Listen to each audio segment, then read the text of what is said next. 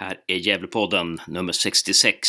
Depp-podd, två förluster. Först damerna 0-3 mot Bollstanäs i lördags. Trots väldigt bra spel, man höll Bollstanäs stången i första halvlek, men i andra halvlek var, visade det sig att rutinen tog ut sin, sin rätt och Bollstanäs kunde vinna.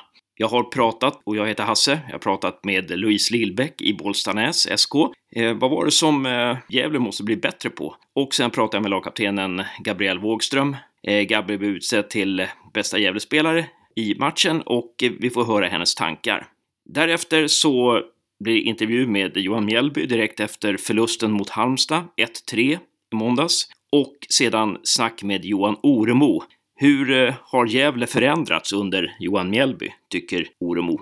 Och slutligen så blir det ett snack med mig och Josef där vi analyserar herrarnas match på måndagen. Men som om inte det vore nog så blir det även bonusintervju med spelaragenten Mikael Kallbäck. Gävlepodden TV11 är den också känd som ligger ute på Youtube. Men innan vi drar igång själva podden så har vi en tävling och ni kan vinna ett signerat exemplar av Erik Nivas senaste bok. Det enda ni behöver göra är att mejla Gävlepodden gmail.com Gävlepodden gmail.com när ni kan svaret på den här rebusen. Det här är ett bilnummer. Normalt så har ju inte bilnummer enkel-V i sig, men det här bilnumret har det. Det är ett bilnummer som består av tre stycken bokstäver och tre stycken siffror. Bokstäverna är J-O-V, eh, Johanna, Olof, Victoria, V, enkel-V är det då, i Victoria, J-O-V och sen är det tre siffror 030, nolla, trea, nolla. J-O-V, det är initialer kan man säga. Det är, det är bokstäver som ingår i spelarens namn. Och sen 030, vad står det för? Ja, de siffrorna är kopplade till en speciell match som den, där den här spelaren gör en insats.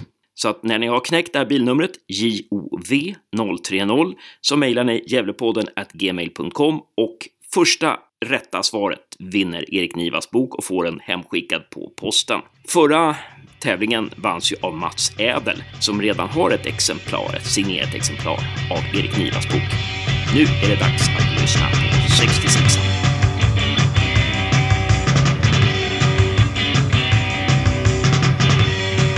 Välkommen till Gävlepodden, Louise Lillbäck. Tack. Tackar. Ja, du blev utsedd till matchens lirare i Bollstanäs här och det, det tycker jag var helt uh, välförtjänt. Du var jättebra. Men för oss som håller på Gävle IF så är det lite intressant att höra vad, um, hur var Gävle att spela mot tycker du? Alltså jag tyckte de var ett bra lag. Framförallt eh, det är ett av topplagen i den här serien. Så jag tror vi alla var ganska nervösa med tanke på att vi låg på samma poäng och ungefär samma målskillnad. Um, men jag tycker de gjorde en bra match och de hänger med i tempot. Sen är det väl vi som styr spelet lite. Så jag förstår att det blir jobbigt för dem att orka igenom hela matchen. Um, men ja, det var ett väldigt bra motstånd. Var matchbilden ungefär som ni hade räknat med eller? Alltså, jag tror att vi hade räknat med att de hade, skulle ha lite högre press och kanske lite Ja, jag vet inte riktigt. Ja men det var väl ungefär så. Alltså vi visste inte riktigt. Vad vi, det är första gången vi möter de här, de är nykomlingar. Så det var ganska oklart lite vad vi förväntade oss. Men det, vi väntade oss i alla fall en tuff match. Vad visste ni om dem innan? Alltså vi visste väl att de hade vunnit ja, alla matcher nu i serien och att de hade vunnit vissa träningsmatcher mot lag som vi tycker är väldigt bra. Um, men sen spel, alltså spelare visste vi inte så mycket om utan det är mer laget generellt. Någon, någon särskild spelare som du tänkte på som tyckte i Gävle IF som att oj den där spelaren uh, var bra? um, gud. Ja, deras kapten var väldigt duktig tycker jag och sen hade de en forward som var väldigt bra. Jag kommer, jag kommer inte ihåg siffra riktigt men Eh, kaptenen ja, Gabby som blev utsedd till matchens lirare i Gävle IF också, så det var ju bra. Du var överens med juryn där alltså. Ja, men du, har du sa innan snacket här att det här var ditt tredje år i Bollstanäs och ni har ju legat där i toppen varje år. Hur, hur är skillnaden i år gentemot förra året? Där har ni fått in någon ny förvärv och hur ser det ut sådär? Alltså i år tror jag att vi tappade lite äldre spelare så nu är vi ett ganska ungt lag. Men ambitionen i år är ju att komma etta ehm, och kvala till Elitettan. Det är liksom, det är vår trupp är väl, den har varit detsamma under alla tre år som jag har varit med ungefär. Ehm, och trots att vi är väldigt unga så tycker jag vi håller väldigt hög kvalitet. Ehm, så ambitionen är väl att vinna serien helt enkelt. Mm. Och vad är det som man behöver Alltså nu har ju du varit med ett tag och ni har varit i toppen. Vad, vad är det man behöver ha liksom för att vinna serien och sen vinna kvalet också? Vad är det liksom för kvaliteter som, som behövs? Eh, alltså dels är det ju på individnivå, alltså att man har vissa spelare som sticker ut extra mycket och att laget alltid kämpar tillsammans. Sen håller vi en väldigt hög nivå på våra träningar, eh, vilket jag tror bidrar väldigt mycket till vårt matchspel. Det man inte gör på träning gör man oftast inte på match, så det känns väldigt bra återvända lite till Gävle IF då. Vad tycker du att Gävle IF behöver? Liksom, vad behöver man bli bättre på för att liksom, bli ett stabilt topplag i, i eh, division 1? Uh, ehm, gud vad svårt. Um, kanske spela lite mer, våga hålla i boll och inte bara slå långt så fort man får den. Alltså det, det är ett jättebra lag så det är väl bara att öva på det de redan är bra på och utveckla det. Men Anna, jag tycker de är väldigt duktiga egna bollinnehavet ja. lite mer sådär och det kändes som om de hade pratat lite i halvtid. Det kändes som att innan ni gjorde 1-0 där så var det lite mer spelande ja. från det. Det tycker jag med, jag håller absolut med. Och sen i slutet då har de ju några lägen trots att typ något är offside och domaren blåser men Alltså, om de skulle ha, få ha bollen lite mer, om vi inte hade haft lika hög press tror jag att det hade gått ännu bättre än vad det gjorde för dem nu. Eh, Anna Björklund som var med och spelade upp Gävle IF eh, nu till ettan eh, gick till Sundsvall i elitettan. Har du nog fått sådana där anbud? Eller har du spelat högre upp i divisionen? Eh, BSK låg ju i elitettan för vad var det, typ tre, fyra år sedan. Då tror jag jag gjorde något inhopp men då var jag ju också ganska ung, kanske 15-14. Men eh, annars har jag bara spelat i BSK och det är väl de enda laget som har hört av sig, eller alltså damlaget bara. Men tror du att, tror du att så här att eh, om man spelar i Gävle eller Ljusdal så här så har man lättare att få blickarna på sig så här än att man, det finns, eftersom det finns så många lag i Stockholm eller hur, hur, hur? Alltså det känns väl lite som om man kan stå ut lite mer och att folk märker en mer. Ehm, med tanke på i Stockholm är det ju väldigt, väldigt många lag och det kan då bli svårare. Men sen samtidigt om man möter då lite större Stockholmslag som spelar i Allsvenskan eller Elitettan då är det ju oftast kanske viktiga folk där och kollar vilket gör att man får en större chans att bli sedd. Men absolut så tror jag att lagen högre upp eller längre ner i Sverige har en ganska stor chans att bli sedda, spelarna. Vad tycker du att det är ni, ni, behöver förbättra på när du tänker på den här matchen? Så här, vad är det ni som behöver vässa till? Det är väl sista tredjedelen, alltså att sätta våra chanser. Bara jag missade väl några direkt i första halvlek missade jag ett väldigt bra läge och i slutet nu på andra. Och sen, ja men det är väl sista tredjedelen att vara lite mer på boll och trycka in bollen och inte fega så mycket. Sen, alltså jag tycker att vi har generellt ett väldigt bra spel men att passningsspelet kanske inte slarvar så mycket men annars är jag väldigt nöjd med prestationen. Mm. Blir lite spetsigare helt enkelt. Ja. Liksom, vem som helst kan försvara men att spela anfallsspel kanske kräver lite mer. Precis, exakt. Ja. Ja men bra, men eh, lycka till eh, framöver. Får vi se om vi ses på returmatchen i höst då. Ja. Tack så mycket, hej då. Tack, hej då.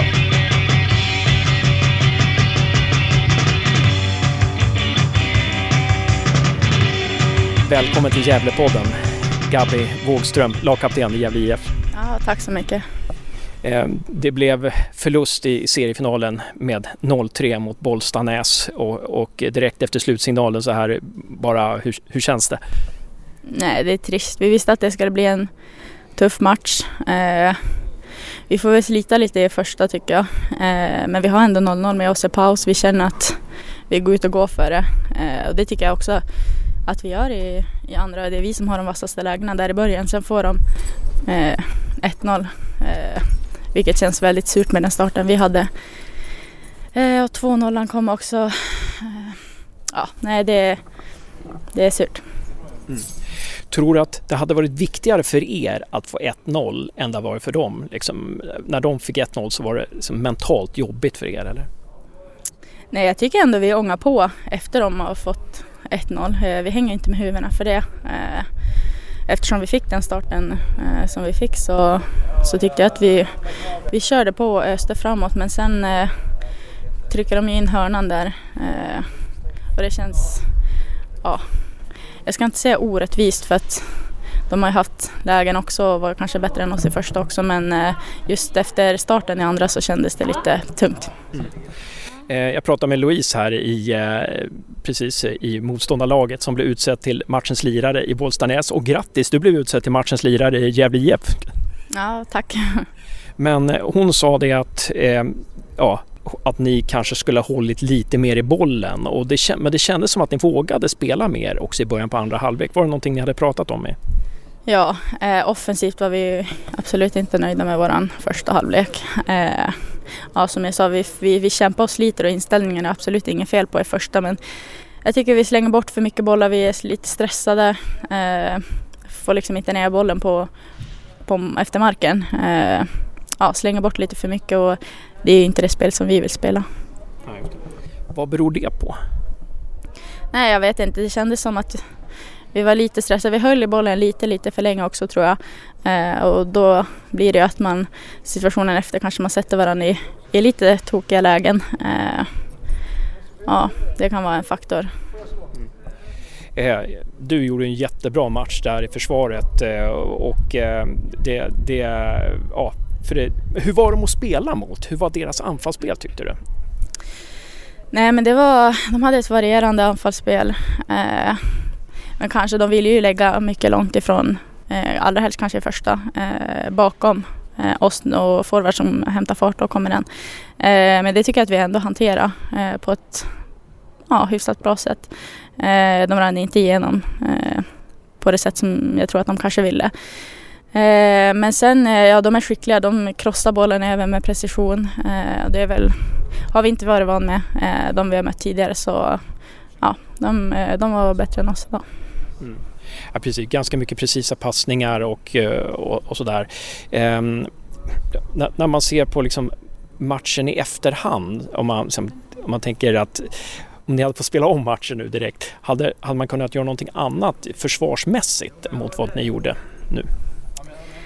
Nej, eh, jag tycker vi håller ihop det ändå i eh, försvaret. Eh, sen blir vi ju trötta där i slutet. Ehm, men det, det, är just det här med att behandla bollen, eh, hålla den inom laget och att man får, att man får vila med bollen. Eh, för det tycker jag inte riktigt att vi får idag och då, ja, då blir det jobbigt att spela fotboll. Mm. Det blir ganska jobbigt för er där bak när de kommer tillbaka liksom hela tiden. Jo, det blir det om man eh, spelar upp och man kanske tappar dem på ställen man inte vill tappa dem. Mm. Eh, och så börjar det om liksom. Mm. Eh, ja. Vad sa Thomas och Niklas i halvtid? Eh, de, var, de var nöjda med, med inställningen. Eh, men eh, sen det där som jag sa också, att vi kanske skulle försöka behålla bollen lite mer.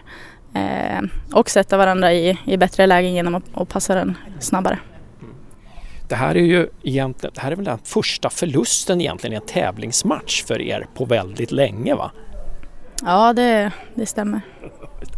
Och ähm, Ehm, så det, det, kan man, ja, nu vi har pratat om vad man kan bli bättre på och sådär. Kommer ni redan nu till nästa träning liksom börja, ja, nu ska vi bli, bli bättre på det här eller hur funkar det? Eh, vi kommer väl, eh, ja, när blir det? På måndag. Eh, avrunda den här matchen, ut, utvärdera. Eh, sen lämnar vi den såklart. Den är redan spelad och eh, fokusera på nästa. Eh, ja, får se vad vi ska träna på, på till veckan. Mm. Stort tack för att du ställde upp i, i podden och eh, glöm inte att hämta ut dina produkter som du vinner. Då har vi vunnit dem, då har de där.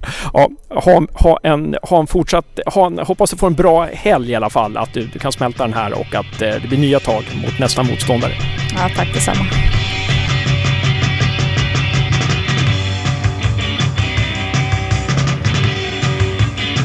Tjena Johan Mjällby, vad schysst att du ställer upp för Gävlepodden direkt efter slutsignalen fast det slutade med 1-3 förlust. Så här. Det är ju inte ert fel så att jag menar, varför ska jag inte ställa upp för det? Nej, men schysst. Um, vi, vi undrade lite så här att Eh, no några saker som, mod, som mod, så, do, såg dåliga ut mot Gais såg lite dåliga ut i den här matchen också, får se vad du tycker. Men till exempel att de spelade ganska lätt fast oss med sin första press där. Um, vad, vad säger du om det? Absolut. Uh, Gais hade en väldigt bra flockpress. Uh, Halmstad flyttar över mycket också. Och, och, det är inget snack om att vi måste vara skickligare på att spela oss ur de situationerna. Uh, uh, det är ju någonting vi i och för sig vi tränar rätt mycket på små ytor och klarar av att spela oss ur. Och, men det är möjligtvis att vi inte riktigt har kvaliteterna just nu för att klara av det. Så är det bara. Men jag håller med om det. Det, det är inget snack om det. Att det, det, När man blir fast, och många lag vill ju göra överflyttning för att naturligtvis ha väldigt mycket folk kring boll för att göra det svårt för en, då, då, gäller det naturligtvis att man är skickligare att spela sig ur de situationerna. Och det har vi inte lyckats med de senaste, senaste två matcherna i eget bollinnehav, absolut. Vad måste vi göra för att kunna spela oss ur de där, först, den där första pressen? Nej men det handlar ju om, e, egentligen om, om spelares individuella skicklighet plus spelbarhet, att det är många som vill ha boll runt omkring. Eh, det är ju enda sättet att att komma ur en sån press. Eh, det är egentligen handlar om modet och det har vi tryckt på de eh, senaste matcherna att spelarna ska börja det, det, känns som de spelar med handbromsen i till viss mån och sen när det blir 0-1, 0-2 helt plötsligt då, eh, då, då, blir det lite mera drag. Men, men eh, det handlar väldigt mycket om att, träna på små ytor, vilket vi gör. Men det handlar också väldigt mycket om spelarnas individuella skicklighet att klara av det. Mm. Där var ju när Fitim kommer in, nu kommer han in i och för sig när, när de många är trötta sådär, men han gör ju ett väldigt bra inhopp. Eh, känner du att eh, han kanske skulle ha spelat från start? Nej men absolut, eh, man måste vara självkritisk och, och sen har ju laget ändå gjort det bra i, i två matcher. Eh, vi får inte glömma bort att i två bortamatcher har vi gjort det bra och, och har fungerat klockrent och, och, vi får ju acceptera att vi eh, kanske inte riktigt har eh, erfarenhet och, toppspelare för att tro att vi ska föra matcherna så mycket. Och, eh, men, men Fitin har absolut stärkt sina aktioner och, och, eh, är ju en spelare som är bra, speciellt om vi har eget bollinnehav. Eh, däremot har det varit många bortamatcher när vi har satsat på lite mer omställningsspel och, och då finns det spelare som kanske är bättre lämpade. Men, men Fitin har vi tagit hit för han har kvaliteter så det är klart att eh, jag är jätteglad att han eh, stärker sina eh, positioner och visar att han verkligen vill vara med i, i startelvan. Absolut. Sen det här med press så hade ju ni hade lite svårt att pressa dem känns som. Utom på slutet i andra halvlek då, när ni gick före, när ni gick ner, ner på tvåbackslinje sådär.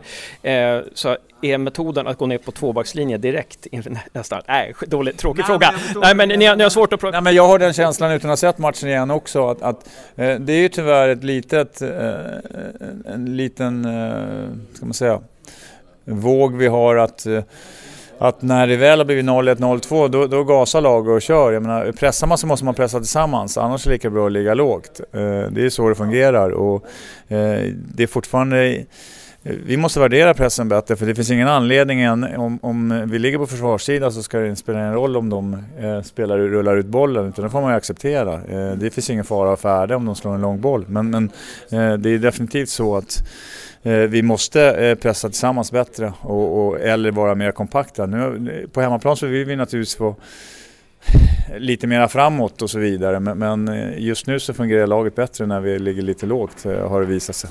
Mm. Tyvärr. Men lite hur kommer det sig att eh, pressspel börjar fungera så fort man släppt in ett par mål? Varför fungerar inte från första början? ja, det, kan, det är en bra fråga, men det känns mer som en mental eh, sak att man knyter näven, nu jävlar måste vi, vi köra, ursäkta svordomen. Eh, det är podd, man får svära. När man, när man, det blir lite desperation i, i, laget, men det är klart att vi vill ju se det från början. Det är ju inget snack om det. Eh, och, och Eh, jag menar, vi tränar ju alltid inför matchen, inför motståndarna, hur vi ska pressa och om vi ska pressa aggressivt eller, eh, eller om vi ska ligga lite lägre. Men, men, det är ju alltid en gyllene tråd det är att pressar vi så pressar vi tillsammans. Eh, då måste vi gå. Och, och eh, det, det, det, är klart att vi absolut inte kan vara nöjda med pressspelet för det är ju ändå någonting, en signum som Gävle har ändå, att de har ett bra pressspel. Men, men eh, idag lyckas vi inte riktigt med det. Sen spelar vi väldigt mycket ut på kanterna där, men vi gör målet centralt. Eh, någonting där, variation i anfallsspel. Är det någonting i anfallsspelet som ni har tränat på som ni inte gjorde idag riktigt, som du inte är nöjd med? Nej, men det är klart att vi, vi, vi vill ju trycka ner motståndaren, men, men, samtidigt så, så eh, efter man har tryckt ner på en sida så vill vi ju komma in centralt också. Eh, inte bara för instick, men även för att naturligtvis hitta ytan bakom bortre mittback. Eh, och, och där är vi lite fastlåsta och inte så fria känner jag. Jag vet inte om spelarna känner att de inte är riktigt fria där och eh, det vill vi ju ändra på. Att, jag menar, har vi boll så måste vi ju så, så måste vi naturligtvis ha full rörlighet och frihet men, men det känns även att eh, till viss del att att eh, vi, vi, ofta målen som vi släpper mot oss tyvärr kommer från att vi har boll och det är alldeles för ofta något som irriterar mig fruktansvärt mycket. Mm. Eh, så vi är inte tillräckligt, vi är inte tillräckligt skickliga i vår uppspelsfas eller när vi går till attack. Det blir för enkla bolltapp och tyvärr, även om inte målen direkt kommer det, men om, du analyserar matchen så är det det som utmynnar i första hörnan, att Piotr tappar boll. Eh, det är efter ett inkast de får andra målet, eh, lite bortvända, lite enkelt. Skottet är ju jättefint, alltså missförstå mig inte, men, men nu är jag ju väldigt naturligtvis går igenom varenda detalj. Ja, men, men tyvärr, tyvärr, Man kan ju blocka skottet också så det inte kommer igenom. Jo. men hur ska man minimera bolltappen utan att man tappar sitt passningsspel? Eh, nej men det handlar ju, det, det, här är ju någonting som handlar absolut om beslutsfattning eh, hos spelarna. Eh, det, det, är ju lite så att eh, vi, vi, har haft en frenesi till att gå framåt väldigt snabbt eh, och, och beslutsfattningen bland spelarna är ju faktiskt det, det yttersta här. Det är lite svårt att träna på om de ska eh, vända hemåt eller vänta tills man får upp mera folk eller om man ska gå direkt till attack.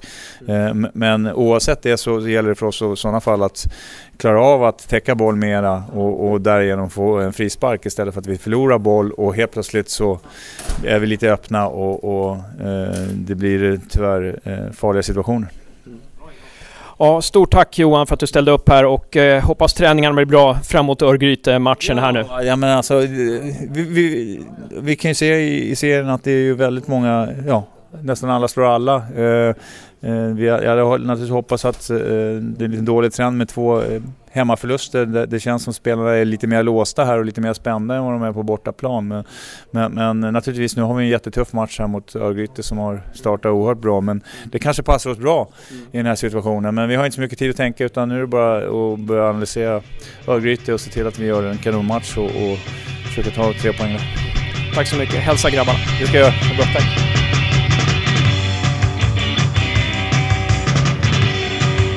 Eh, tack Johan Oremo för att du stannade till. Lite kylslaget i Gävle så här eh, direkt efter slutsignalen. Och jag vet inte om, Johan om du känner igen Josef, min son här som han, han hoppade på dig på gatan i Halmstad förra sommaren.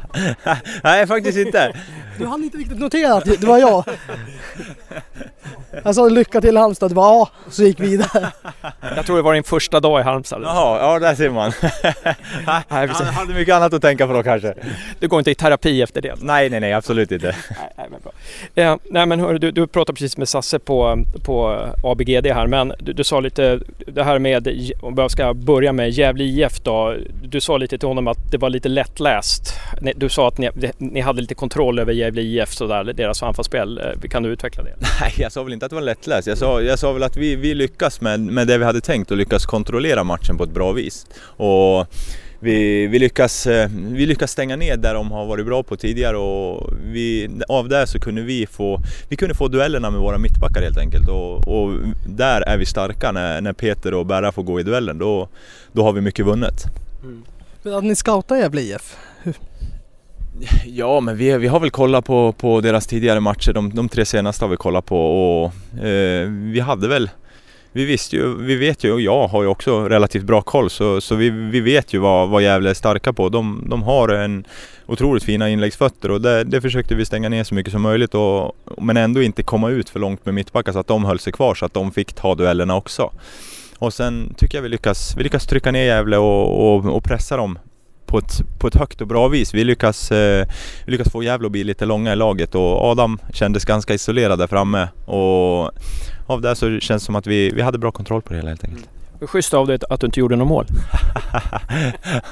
nej, jag hade gärna velat satt dit men nej, det var, räckte inte riktigt.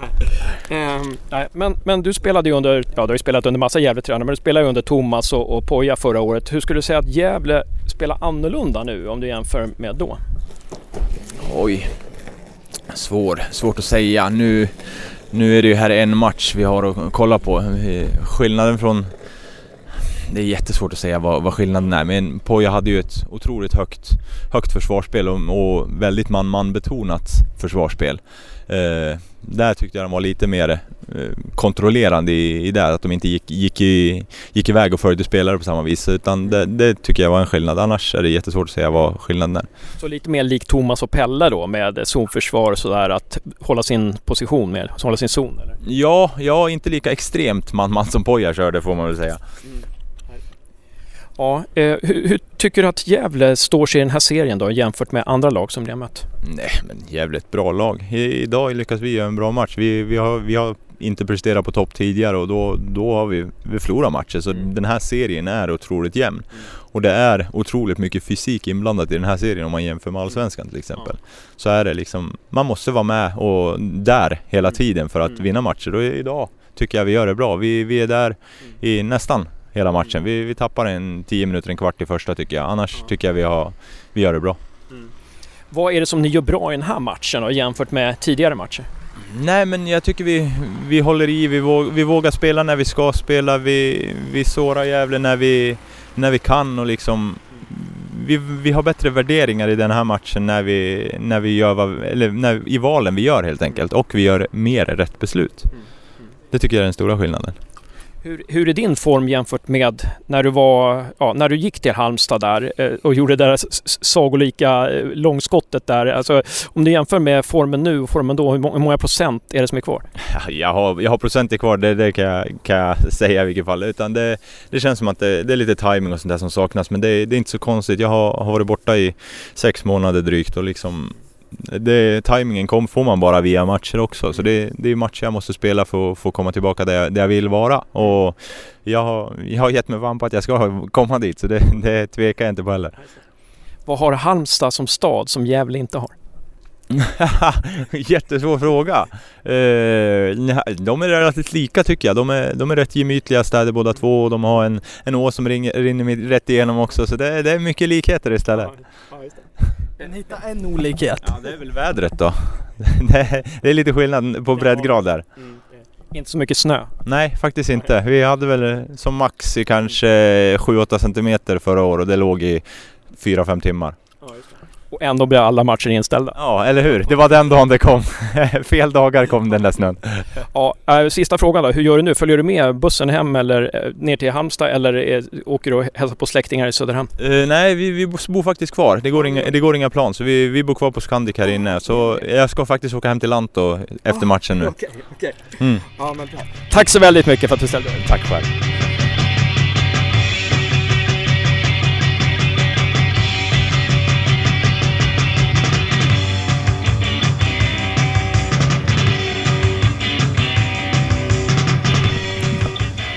Ja, då är det den 7 maj, måndag.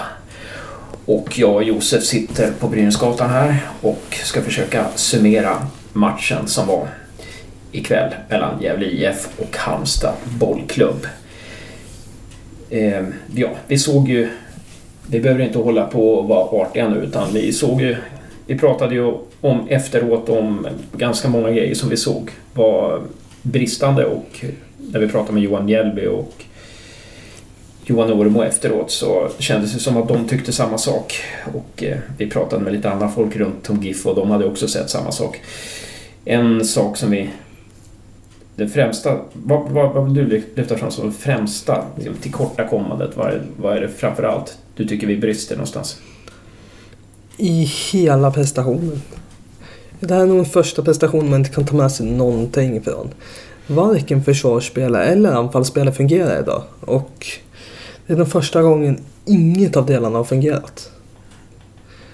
För ändå mot Brage, då gjorde vi två mål där på slutet, hade bud på tredje, men det var så dåligt på alla planer då. Så att det finns ingenting speciellt att lyfta fram. I sådana fall, anfallsspelet var bland det värsta jag har sett. Mm. Om vi ska koncentrera oss på anfallsspelet, vad, vad är det som du känner är bristande i anfallsspelet? Uh, vad är det som gör att det inte fungerar? Det gör att, det är att som att vi blir väl, vi, vi dras isär lagdelarna väldigt mycket och Adam blir så jäkla ensam på topp. Mm. Adam är så fruktansvärt dålig. Felvänd.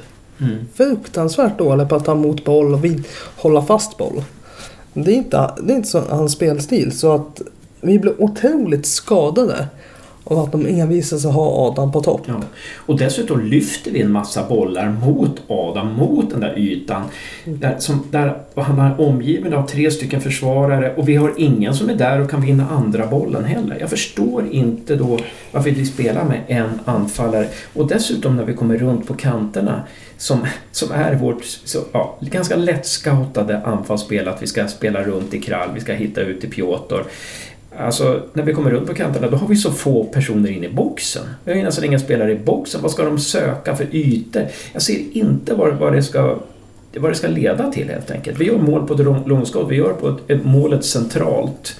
Eh, men där spelar vi sällan.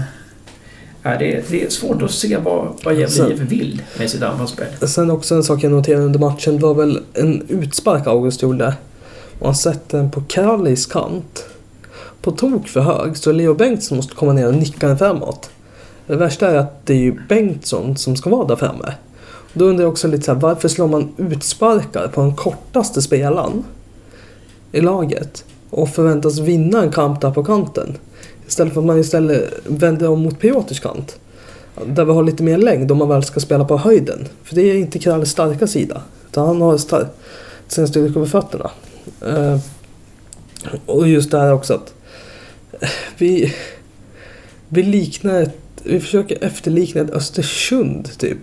Mm. Fast en blandning av Östersund och Malmö. I tänket. Att, äh, vi ska Men vi har inte spelarna för det. vi ska spela längs backen.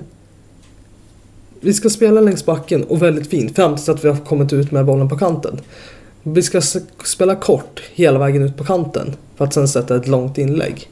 Det två teorier som inte går ihop någonstans i världen. Att man ska spela sig kort fram till kanten för att sedan slå högt. Det är ju bättre om man spelar högt ner på kant och spelar kort fram till centralt läge i straffområdet. Mm. Och, Då går det snabbare. Vi, vi spelar bort fler lagdelar och antagligen och när vi när vi spelar kort, om vi spelar kort då och snabbt när vi väl har nått eh, ut på kanten så blir det en helt annan grej. För det tycker jag är konstigt. De här otroliga krossarna vi hade med Anton Lantz förra året. Mm. Hans vänsterfot ut på Piotr. Vi vann ju, vi slog ju två lagdelar och fick mm. hur mycket press som helst offensivt. Sån kross ser man inte idag. Mm. Man ser ingenting. Utan man ser raka crossbollar, raka långbollar som vi inte kan göra någonting av. Du sa i bilen hem så sa du att de har haft tio dagar på sig att scouta Halmstad. Hade Poja fått tio dagar på sig sa du, att scouta Halmstad så hade han scoutat sönder dem. Ja. Eh, och hur, hur tycker du scoutingen funkade nu? Väldigt, väldigt dåligt. Man har tio dagar på sig. Man har till och med en match. Man kan till och med se hur Halmstad spelar mot Falkenberg. Uh, och hur spelar de då? Jag såg inte matchen. Omöjligt att säga. Nej, nej, men man, man kan teoretiskt se hur Man spelar. kan teoretiskt se hur de spelar. Och man borde ha någonstans någon förståelse i hur backarna agerar. Mm. Och sen helt plötsligt så... Och att backar, de har ju alltså två fyrtorn där inne som plockar allt på höjden. Varför ska vi då slå inlägg? Vi måste hitta andra ja. sätt att slå Halmstad. Och slå inlägg på en spelare som inte är bra på, i höjden. Mm. Och det är, Alltså det är så konstigt så här, hörn, hörnan måste man också någonstans. Det är inte, ett, det är inte en turträff Koski får på, eller vem, om det är Gunnlaugsson. Mm. På 1-0. Utan det, man ser tydligt på reprisen hur Halmstad-spelaren knuffar ner, trycker framåt på sidan. Mm. Och Ljungberg faller bakåt. Vilket är en helt medveten aktion mm. för att häva offsiden. Mm. Halm, Parallellt så arbetar en Halmstad-spelare att ställa en spelare onside. Mm. Det gör inte vi. Vi jobbar inte för varandra. Vi tar inte de här extra löpningarna. Vi står still, slår korta, korta passningar mm. som inte leder till något. Mm. Man tar inte ansvar. Och... Nej, grejen är att vi måste, vi måste jobba i anfallsspel för att hitta ytor, öppna upp ytor någonstans. Men vi öppnar ju inte upp några ytor för vi, det tar ju alldeles för lång tid för oss att komma till anfall. Vi slår ju inte om något snabbt. Och det ser eh. inte ut att, ingen ser ut att ha kul, har du sagt. Nej, jag tyckte Piotr såg ut att lida idag. Han såg inte att ha kul när han spelade idag. Så. Tyckte inte det såg bra ut där. Och varför inte kul att spela längre? Det, man märker ju stor skillnad på det här GIF mot höstens GIF. Visst, vi hade väl bättre lag i höstas. Men det verkar som att vi hade en spelidé mm. framförallt. Nu som ni kommer höra Johan säga eh, är att Johan Oremo. Ja, just det. det är att eh, vi var otroligt hårda på man-man-försvaret tidigare. Mm. Vi såg ju att... Satte hög press. Och det gick ju så bra med man-man-försvaret. Mm. Och helt plötsligt går vi tillbaka till det här zonförsvaret. Som inte alls har varit lyckat. Nej. Vi, vi avvaktar. Vår, vår första press är ju helt verkningslös. De spelar ju förbi vår första press hur, hur lätt som helst. Samtidigt som vi har otroliga problem med deras första press. Det är, alltså, vi, de, det är precis som mot guys. Alltså vi, vi slår långbollar på en forward. En, ja, det, det funkar inte. Och sen är det konstigt man tar in spelare. Man tappar spelare i vintras och tar in spelare. Och som Fitim och Törnros Ja. som ska vara det forward. var, en av få, det var de få vi hade råd med. De Mm. får knappt spela. Nej. Vi använder oss av reservspelare för förra året typ. Mm. Och det är jävligt konstigt hur man kan... Var, varför tog vi in dem där då? Mm. Ja, vi måste ju spela med två forwards eh, på, i, i nästa match. Törnros måste ju starta, Fitim måste ju starta. Och Vi måste- starta. Och Gusman måste starta. För att det fungerar verkligen inte med den här backlinjen. Nej. Gus, med Gusman får vi ofta... Eh, Bättre höjdspel, ja, jag. Vi får en bättre mittback. Vi får en stabil superettan-mittback. Det är Mm. någonting... Eh, både, här, båda, båda gästspelarna, eh, JB och Florian, är så varierande i sina prestationer. Ena stunden är de väldigt, väldigt bra och andra stunden är de division 2-mässiga, om ens det ja, alltså vi, vi, alltså, det här med att Florén ska spela för att eh, vi, vi ska kunna ställa om där för att för, för ett offensiv- vapen. I så fall så ska Florén spela wing och vi ska sätta upp Piotr som anfallare. Det är i, så- i så fall... Eh, för, för att, att ha tre mittbackar och låta Florén vara en av mittbackarna som ska försvara på hörnor och inlägg. Alltså det funkar inte. Vi måste ha, vi måste ha riktiga mittbackar där inne som kan, som liksom kan sortera ut när vi får press emot oss. Och det, för det funkar inte idag helt enkelt. Och sen måste vi också ha en, mitt, en bättre mittfältare. Istället för ja, Castellati istället för Yassin. För Yassin har varit väldigt, väldigt ja, dålig i det här fallet. Ja, i den här matchen var han det. Han räckte inte till mot det här motståndet helt enkelt. Ibland var det som att se ett eh, superettanlag mot ett division 2-lag faktiskt. Så, så pass stor klassskillnad var det ibland. Eller allsvenskan superettan. Man såg att det var Mm. klasskillnad. Mm. Och det här, just Yassin, han kan göra han kan göra vissa saker bra, men han kan inte göra en hel aktion bra. Han kan slå en gubbe och sen blir krossen för jävlig. Mm. Han kan så, det, är allt, det är alltid det lilla sista som saknas för honom. Och det är konstigt att när man märker också att vissa personer de kanske är lite i form men samtidigt ur form. Ja, framförallt i matcher man märker att de, kom, att de inte är med i matchen. Då måste man våga byta. Men det gör de inte. De Nej. kastar in Törneros i, jag vet inte om det står 3 70, ja, jag ska Ja. se vilken, vilken minut det var. Eh, när Törnros kom in där. Hur mycket stod det? det stod, stod eh, 3-0 när Törnros kom in. Då Han kom in i 71 minuten. Då vågar man ju handtid. Castrati och Törnros kom in när det stod 3-0. Ja, det, Det- vi hade inte gjort något byte till när det stod 2-0. Och Det är så konstigt att... Alltså... Jag kan förstå... En träningsmatch hade jag förstått det här på något sätt. I Svenska cupen hade jag kunnat förstått.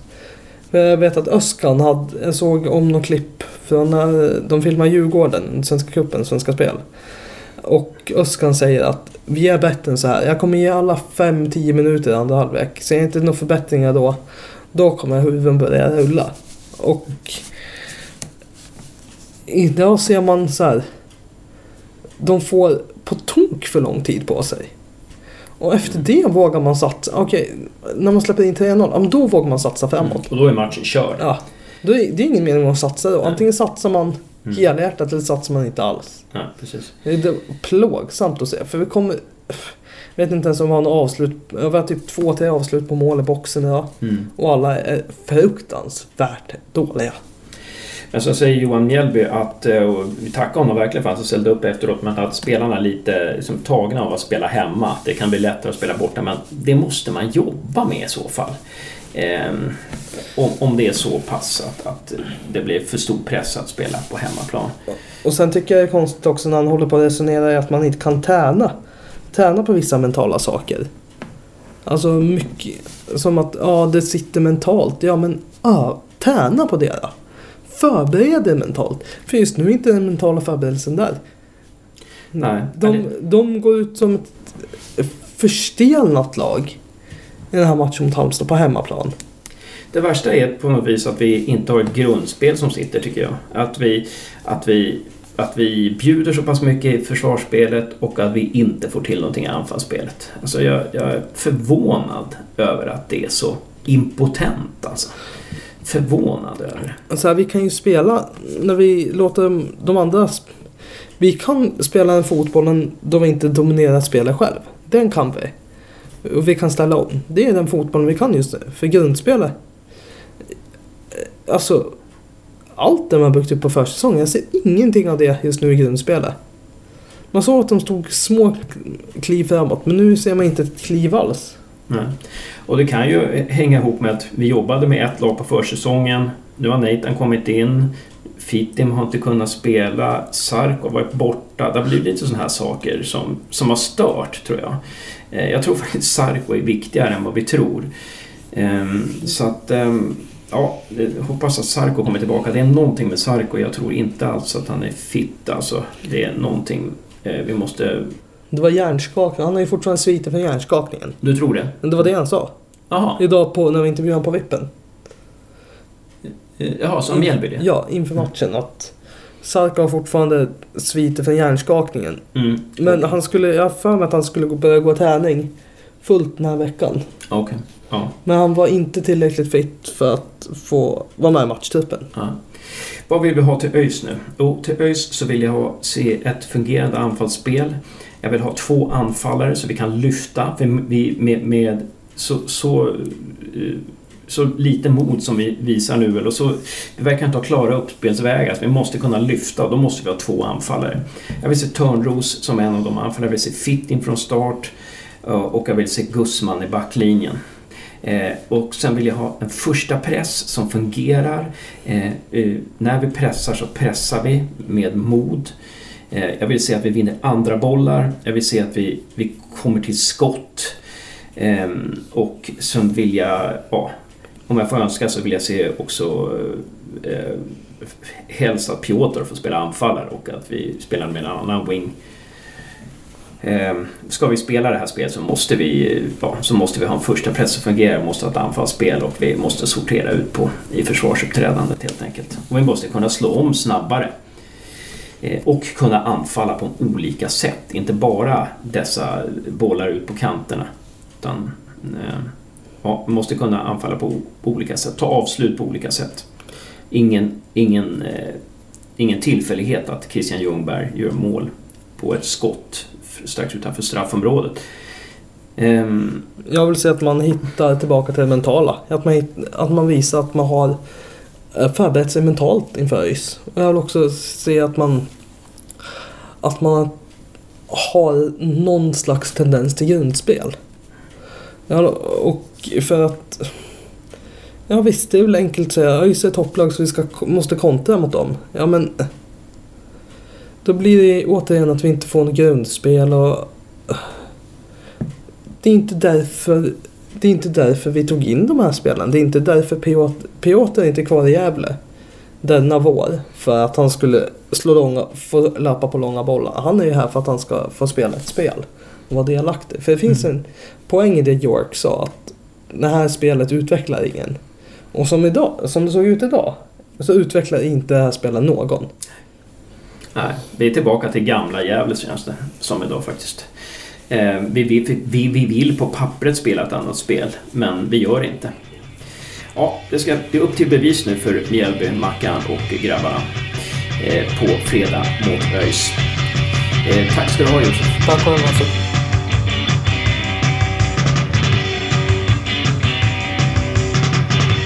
Välkomna till Gävlepodden TV special.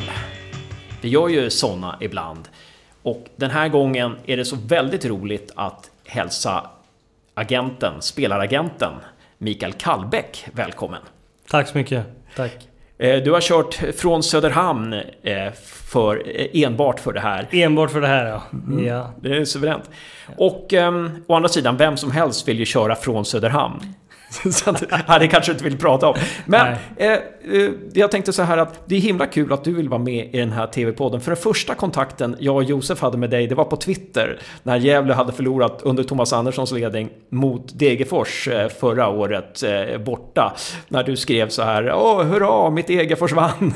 och då skrev vi någonting, hur kan du skriva så? Du är Johan Oremos agent. Sådär. Eh, Ja, mm. eh, men så det är kul att vi har lappat ihop den kontakten. Ja, exakt. Vi har slutit fred. Vi har slutit fred. Och, och då är det den här, kommer den här frågan. Eh, eh, måste man vara... Får man vara annat än neutral när man är spelaragent? Det måste man vara, tycker jag. Jag, jag är det i alla fall.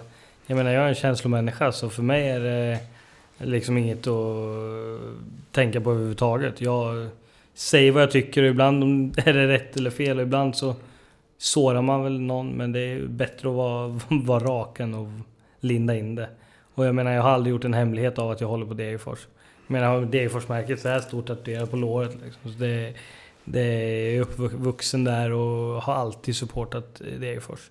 Mm. Har jag. Så det, det är ingen hemlighet men det, det är inte bara ni som har reagerat. Jag har åkt på det någon gång när jag twittrade någonting, jag tror det är som mötte Syrianska. Förra året eller förra, förra året. Ja, det måste ha varit två år sedan. Det var en spelare som svarade mig dagen efter att fan, vad skriver du? Så här kan du inte skriva. Jo, det kan jag visst det, tänkte jag. Så det, mm. det händer ibland att folk reagerar. Men det, det, är väl ganska ovanligt att spelaragenter är så pass aktiva på sociala medier som du? Eller? Det tror jag, det är nog inte många som är det. Det är väl några stycken men det kan väl bero på att många, snittåldern på spelaragenter är ganska hög. Så att eh, många skulle vara glada om de kan hantera en mobiltelefon. Mm. Ja, just det. Eh. Nej, skämt åsido. men det är väl lite så, den yngre generationen och mm. har växt upp med det här med sociala medier och så mm. på ett annat sätt. Så att det, nej, det, det faller sig mer naturligt kanske. Mm. Kan det vara en fördel för dig som spelaragent att du syns i sociala medier? Det är väl både och egentligen. Men egentligen skulle jag inte säga att det, nej, det, det är inte. Utan det gör du ett bra jobb så spelar det ingen roll om, om du syns på sociala medier eller inte. För då vet folk om det. Jag vet agenter som det knappt talas om som inte syns någonstans egentligen. Men de har väldigt många bra spelare och gör ett jättebra jobb. Mm. Så det, nej, det skulle jag inte säga. Det är lite efter person, vilken person man är. Ja, helt enkelt. Eh, men om vi ska börja från början. Hur länge har du jobbat som spelaragent nu? Eh, nu ska vi se, det är 14, 15, 16, 17, femte året nu tror jag. Femte året nu, mm. ja. Och du är en av de spelaragenter som alla känner till egentligen. Säger man, säger man Mikael Kallbäcks namn så vet ju alla i fotbollssverige vem det är. Eh, och även supportrar vet vem det är. Eh, och det är inte så vanligt att, att supportrar till och med känner till många namn på spelaragenter. Men hur kom du in i den här branschen? Eh, jag har väl eh, alltid haft ett eh, intresse för affärer eh, tidigare. Och min, min pappa jobbade på bank när jag var liten och tyckte att det var väldigt intressant. Eh, nu har ju det ingenting med fotboll att göra men det var väl sinnet för att eh, göra affärer. Och eh, efter att ha jobbat som sportchef i Brage då eh, och vi åkte ur Superettan och jag lämnade mitt under säsongen så kände jag att nej, nu är det dags att, att hitta, eh, hitta rätt helt enkelt. Och eh, skrev licensprovet då, nu har de tagit bort licenserna. Eh, jag tror det var, bara, det var jag, Tobias Gran, Majstorovic tror jag skrev det samtidigt. Och så var det nog några till som folk vet vilka det är. och det var nog bara jag och Tobias som klarade det då. Och när jag klarade licensprovet då, det var då jag bestämde mig att nej, nu, nu ska jag köra det här fullt ut. Mm. Sen är det liksom ingen... Folk tror att det är, en, att det är glamoröst att jobba som, som spelaragent. Men det är, du har verkligen fått jobba dig uppåt. Eh, har du gjort. Och det är inte så att du bara har gjort det. Utan jag menar, jag har ju jobbat med massa andra saker samtidigt. Har jag. Eh, sålt hårvårdsprodukter på nätet bland annat. Eh, importerat lite italienska solglasögon och lite sånt för att få det att gå runt. Eh, men nu pratar vi, nu var det ett par år tillbaka, men det är... Man har ju verkligen fått jobba hårt för att kunna göra det man vill göra. Och det är först nu kanske som det börjar bära frukt. Okej, Eh, okej. och det är... För att när man startar, när du startade då, jag menar Majstorovic och Tobias Gran, de är ju gamla spelare. Den ena är en gammal storspelare och den andra en, en ja, elitspelare i alla fall. Och Jag hoppas inom- du syftar på att det är Tobias som är gammal storspelare. Och Ja. Majstorovic som är Ja, en elitspelare. Ja, de, de får, de får, om de ser det här får de, får de tolka det hur de vill. Eller så får de ta och smsa mig och fråga hur det lägger till. Nej, men, men där, där kan man ju tänka sig att spelarna vet vilka de här är och de har li, lite så här gräddfil in. Kan man inbilla sig. Men du som inte har det här då, att eh, du är en e- elitspelare i fotboll. Hur, hur gjorde du för att få dina första liksom... Jag har fått gnugga på helt Ja. enkelt. Det är ju, jag menar från början var det ju att du jobbade med, eller jag jobbade med spelare som jag kände. Eh, egentligen mina kompisar. Och många spelare från Degerfors. Eh, och många av de spelarna jobbar jag fortfarande med idag. Eh, de kanske inte kommer lämna Degerfors eller vart de nu spelar, utan de kommer vara kvar där. Men de har ju varit med sedan, sedan första början. Och det är ju tack vare dem som man har tagit sig någon, någonstans. Eh, och sen har man gjort ett bra jobb och det har ju som sagt det, det har ju krävts väldigt mycket arbete, tid och arbete och du har ju, du har ju eh, missat väldigt mycket liksom annat som du har kunnat gjort när du har lagt ner så mycket tid på det. Men som sagt, det är, om du inte jobbar hårt då, då kommer du ingen vart. Så då står du kvar och trampar och undrar varför du inte kommer framåt. Så det är ju, nej men jag bestämde mig där och då, när, efter licensprovet, att nu, nu ska jag gå in i det här 110%. Mm. Köra all in. Ja, just det. Och då byggde du upp en trovärdighet eh, först med att, med att eh, Ja knyta till dig några lokala spelare och Absolut. sådär. Absolut. Och, Och- hade du någon prestigevärvning sådär som du, som du gjorde? Eller någon, någon prestigeklient som, som tog dig... Eller några som liksom gjorde att du tog det till en ny nivå? Eh, Har du någon sån? Det har ju varit eh, under resans gång spelare som har gjort det bra. Eh, Johan Bertilsson till exempel.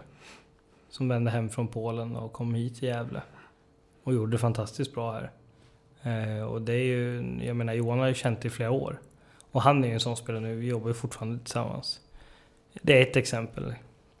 Eh, Intressant. Kan vi, kan vi, om vi stannar vid Johan Bertilsson, för det var intressant när han kom hit, då var ju IFK Göteborg också ute efter honom vad jag förstod. Det gick det rykten om i alla fall. men det var de. Det var Göteborg och det var ett par andra klubbar. Det var ett par andra klubbar. Och Johan Bertilsson sa Det har aldrig varit så enkelt att ta ett beslut. Mm. Att jag skulle hit. Vad var det som Gävle gjorde? Vad var det, vad, vilka kvaliteter hade Gävle? Vilka personer eller kvaliteter hade Gävle som, som, som gjorde att Johan tyckte Det det var, det var nog väldigt mycket Hasse Bergen, skulle jag säga. Det, han har den, eh, om man säger karisman och kan förmedla klubbens, om man säger deras ambitioner, vad de vill, vad de ville med Johan. Eh, och Hasse är ju, är ju en, var ju en stor anledning. Sen också liksom att det här, då var det just det här att men, arenan kommer komma, vi kommer flytta från tråkiga Strömvallen till en helt ny arena. Eh, som var lite spännande också. Liksom. Men, ju, men framförallt så, så var det ju att hade, hade Johan gått till Göteborg så hade han ju inte alls på samma sätt varit en given startspelare som han var när han kom hit. Utan då var det här, han kom ju på sommaren. Och ta det här året, resten av säsongen, anpassa dig. Och sen så, så kommer du starta sen. Det var ju det, var ju det som gällde. Och det var väl tilltalande. Men jag skulle säga att eh, mycket tack vare att Johan hamnade här var ju, var ju tack vare Johan. Eh, ursäkta, tack Hasse, vare Hasse. Hasse. Hasse ja. Mm. det, han har gjort mycket bra för Gävle. Mm, mm. Det var jättekul att höra. Ehm, och då när... Alltså hur, hur pass mycket, om vi tar Johan som exempel då, när Johan ville komma hit då. Eh, hur pass mycket är du inblandad då? När, eh, är, är det du som säger, ring, har kontakten med Johan och säger till Hasse, ja, Johan vill komma dit och kolla. Eh, och sen släpper du det, eller hur, hur funkar Nej, kontakten? alltså, i, I Johans fall så var det ju så att jag hade haft en dialog med Hasse under våren eh, om Bertilsson. Eh, med tanke på att det kändes lite vart det var på väg att barka hän i Polen. Om skulle han lämna, skulle han inte lämna och skulle laget åka ur eller inte. Så de visste ju om att han kunde komma och bli tillgänglig på fri transfer under sommaren. För han hade egentligen ett avtal som löpte eh, även nästa säsong. Eh, så den dialogen hade vi, men sen så när det blev bestämt att Johan inte skulle stanna i Polen så, så eh, blev de, den här dialogen med Hasse mer intensiv. Och då gick det väl till så att vi började diskutera ett avtal. Eh, och då är det fortfarande jag och Hasse som hade den dialogen. Mm. När vi kände att vi var någonstans någorlunda nära varandra. Mm. Då var ju nästa steg då att få Johan och hans eh, familj upp till Gävle och besöka klubben. Så då var vi ju på kansliet som där det låg vid Strömvallen då. Eh, och träffade Hasse och tränaren och eh, fick se på faciliteterna där och satt ner under en, var där under en dag. Eh, och sen fortsatte väl förhandlingen med Hasse. Ja, det tog nog inte så lång tid. Eh, ett par dagar. Eh, tills vi kom fram till ett eh, förslag som vi var nöjda med och som Gävle var nöjd med. Och eh, parallellt med det så skedde förhandlingar med andra klubbar också och sen så bestämdes Johan helt enkelt. Mm. Och man kan ju tänka sig att han fick gå ner lite i lön för att... Mm, det fick han absolut göra. Ja. Mm. Han. Men han valde sin karriär istället. Absolut. För... och det är, jag menar, det är en väldigt klok person. Är det. Så det är klart att han hade kunnat tjäna dubbelt så mycket någon annanstans än vad han gjorde i Gävle. Men det var en trygghet att komma hit också för han och hela mm. hans familj. Eh, och eh, ibland är det viktigare än pengar. Mm. Men det måste ju vara en, en svår balansgång för dig att ja, om spelaren tjänar mer och spelaren mm. får mer, då får väl du mer? Eller hur alltså det? det behöver ju nödvändigtvis inte vara så, men oftast så är det väl så. Mm. Och det är klart att... Eh, men då får du tänka ett längre perspektiv. Okej, okay, den här spelaren, nu kommer han tjäna jättemycket här nu. Eller nu kommer han tjäna mycket. Mer än vad han kunde ha gjort där. Eh, men vad, vad händer om eh, det blir helt fel? Han får ingen speltid. Han trivs inte alls. Han måste byta klubb. Ja, men då helt plötsligt kanske han hamnar i en kategori, en klubb där han tjänar betydligt mycket mindre än det andra alternativet han hade kunnat valt. Mm. Så vi försöker alltid tänka ett steg längre. Jag menar ett exempel på det är ju Amor Laioni som var i Degerfors och tränade med, med Göteborg och var hyfsat nära ändå. Eh, de ville ha ett lite större namn så de tog, lånade en kille från Brighton tror jag. Eller Bristol eller Brighton. Ja. Så att, eh, men han gjorde det bra när han tränade. Lennartsson var nöjd med honom och Mats Gren också.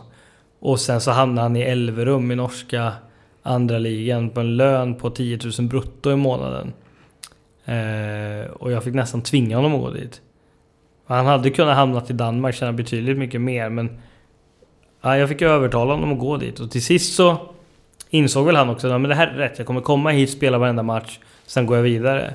Nu ett år senare så spelar han i Bodø-Glimt i tippeligan, sköt upp dem förra året och är högaktuell för Tunisiens VM-trupp. Så att det visar sig att du kan ta beslut som inte bara är baserade på pengar. Sen är det självklart att spelare vill tjäna så mycket som möjligt. Jag vill att spelarna ska tjäna så mycket som möjligt. Mm. Jag själv vill tjäna så mycket som möjligt. Annars är man ju dum. Det är, mm. det är inte svårare än så. Men ibland så måste man tänka ett steg längre. Mm. Ja, spännande. Mm. Eh, vi ska komma tillbaka till Gävle IF lite, för det är, det är ju intressant det här med Gävle IF och, och, det här med, som du säger om Hasse, det är ju ganska viktigt vem som är sportchef då mm. och hur, hur, kommunikationen med föreningen är. Det är inte bara om var föreningen ligger, utan det är vem som förhandlar helt enkelt mm. och vem som är ansiktet utåt. Men eh, om vi går, för du sa att Johan Bertilsson var lite prestigevärvning, den tog dig, den, eller ja, prestigespelare, eller den ja, tog dig lite, till liten lite nivå. så, det är ändå en spelare som jag menar, jag har ju trott på honom sen han satt på bänken i Degerfors. Mm. Mm. I division 1 liksom, innan han blev en startspelare där. Och man har ju alltid vetat vad han har inom sig liksom. Och sen så... Så... Eh, ja, lite så är det. Och sen så är det klart att det är många andra spelare också. Eh, Johan Oremo till exempel. Men det kommer mycket senare. Mm. Johans, eh, Johan blev ju såld i somras till, till Halmstad. Liksom. Det är en sån spelare som, som eh, ändå har ett välkänt namn i, inom svensk fotboll. Sen så... Jag menar de värvningarna som vi genomfört nu sista transferfönstret här har ju varit kanske ett snäpp högre upp då. Nikola Djurdjic till, till Hammarby och Jura Movsisjan till, till Djurgården. bland annat. Mm. Vem var det du till Djurgården? Juramov Sivsian, eh, Okej. armeisk anfallare. Just det. Kom på lån från, eh, från MLS. Mm, just det. Eh, det är sådana här situationer som jag saknar Josef, för han spelar fotboll manager och har koll på alla spelare. Ja. Eh, eh, men, men, ja, men bra. Så att, ja, nu, alltså Nikola Djuric, det är ju, det är ju fantastiskt. Det har ju verkligen, det har ju verkligen många spelare i, stall. Men Oremo, när gick han över till dig då? Alltså vi har egentligen haft ett samarbete ett par år tidigare så. Han var på väg till Lyngby för några år sedan. Var han. Och då eh, var det jag som skötte det. Sen har ju han alltid, jag menar, den dialogen han har haft med Hasse har ju han haft sen innan eh, vi kom i kontakt. Så det har inte varit någon idé för mig att sköta förlängningen med Gävle utan det har han alltid skött själv. Okej, han har varit sin egen agent helt enkelt. Gentemot Gävle IF ja. ja det, och det är liksom inga konstigheter. Har man varit i en klubb länge och, och har en bra relation till klubben så, så är det inga konstigheter. En spelare förhandlar själv då. Eh, så det, det har han gjort då. Men så, så tog vi fram Lyngby och sen så tror jag tog fram något annat alternativ. Men då valde han att bli kvar. Sen så kom han till, en, till ett läge i karriären där han kände att det var dags att prova något nytt. Och eh, Halmstad var ju, var ett väldigt bra alternativ. Var det. Hela familjen eh, var ju med på det och de har ju flyttat dit allihopa nu. Var det då du kom in i bilden? När Halmstad kom in i bilden? Nej, eller? utan det vi, vi, vi har ju, hade ju haft en dialog jag och Ja. Johan om Mm. situationen. Han kände att han var sugen på något nytt. Mm. Samtidigt så då tog jag fram det, det förslaget åt honom från Halmstad. Mm. Och sen så efter mycket om och men så blev det klart då. Och det var, nej, det var skönt. Det, var ju synd, det började ju väldigt bra. Med drömmål från halva plan och liksom han visade verkligen att han kunde hjälpa Halmstad att stanna kvar i Allsvenskan. Men sen så blev han skadad tyvärr. Men eh, det är få som har den mentaliteten som han har. Och, men han har ju suttit på rehabcykeln om man säger ganska många gånger förut. Så att, och nu är han ju tillbaka och Mm. spelar fram till målet. När, Gjorde jättesnyggt. Ja. Snygg assist där. Ja, mot, mot fel lag dock, mot Degerfors. Ja, det var det. Ja, men, eh, nej, men så det är jättekul att han är tillbaka. Och förhoppningsvis så kan han vara med och ta Halmstad tillbaka till Allsvenskan. Mm. Men hur, hur ser det ut då när du får en ny klient? Är det, är det, kallar du klient förresten? Eller Ja, spelare? det, beror, det beror på. Det, Ja, ja. beror på vilket Det- sammanhang.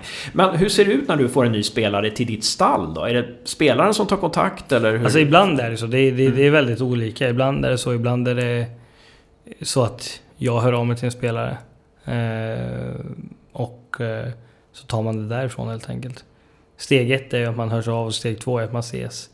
Och får en feeling. Jag menar, jag, de jag jobbar med är ju också sådana som jag skulle kunna bjuda hem. Som skulle kunna sova på min soffa hemma, hemma hos oss. Liksom. Det är ju det är vänner också. Mm. Har det ju blivit. Vi har ju fått en sån relation.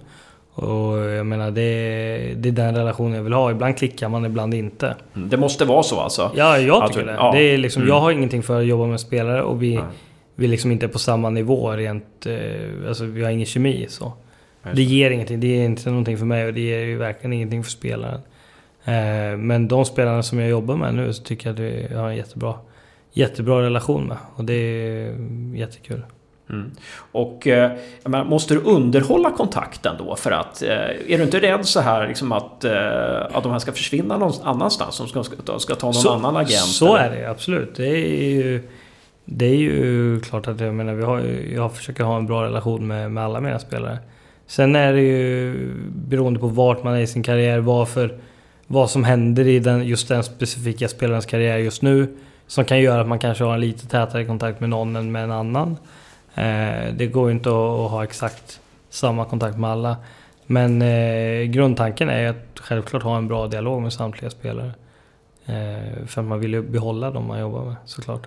Mm. Men hur gör du då? Liksom, ringer du runt och kollar? Mejlar du lite då och då och kollar Nej, läget? men eller? i, ibland är det, det är klart, du pratar ju mycket i telefon. Sms efter någon träning, efter någon match liksom Mm. växlar man lite meddelanden. Ibland kan du dra någon... någon eh, någon... Eh, nu tappar jag bort mig. Ja, men eh, sms eller samtal, det är väl Ja. det vanligaste liksom. Ja, E- det. Erik Törnros brukar störa med lite snapchats ibland. Ja, okej, Han okej. brukar... Nej, nu får jag, jag får vända på det. Han brukar störa mig. Ja, okej. Brukar. Han brukar skicka Snapchat på sin, eh, en av sina hundar.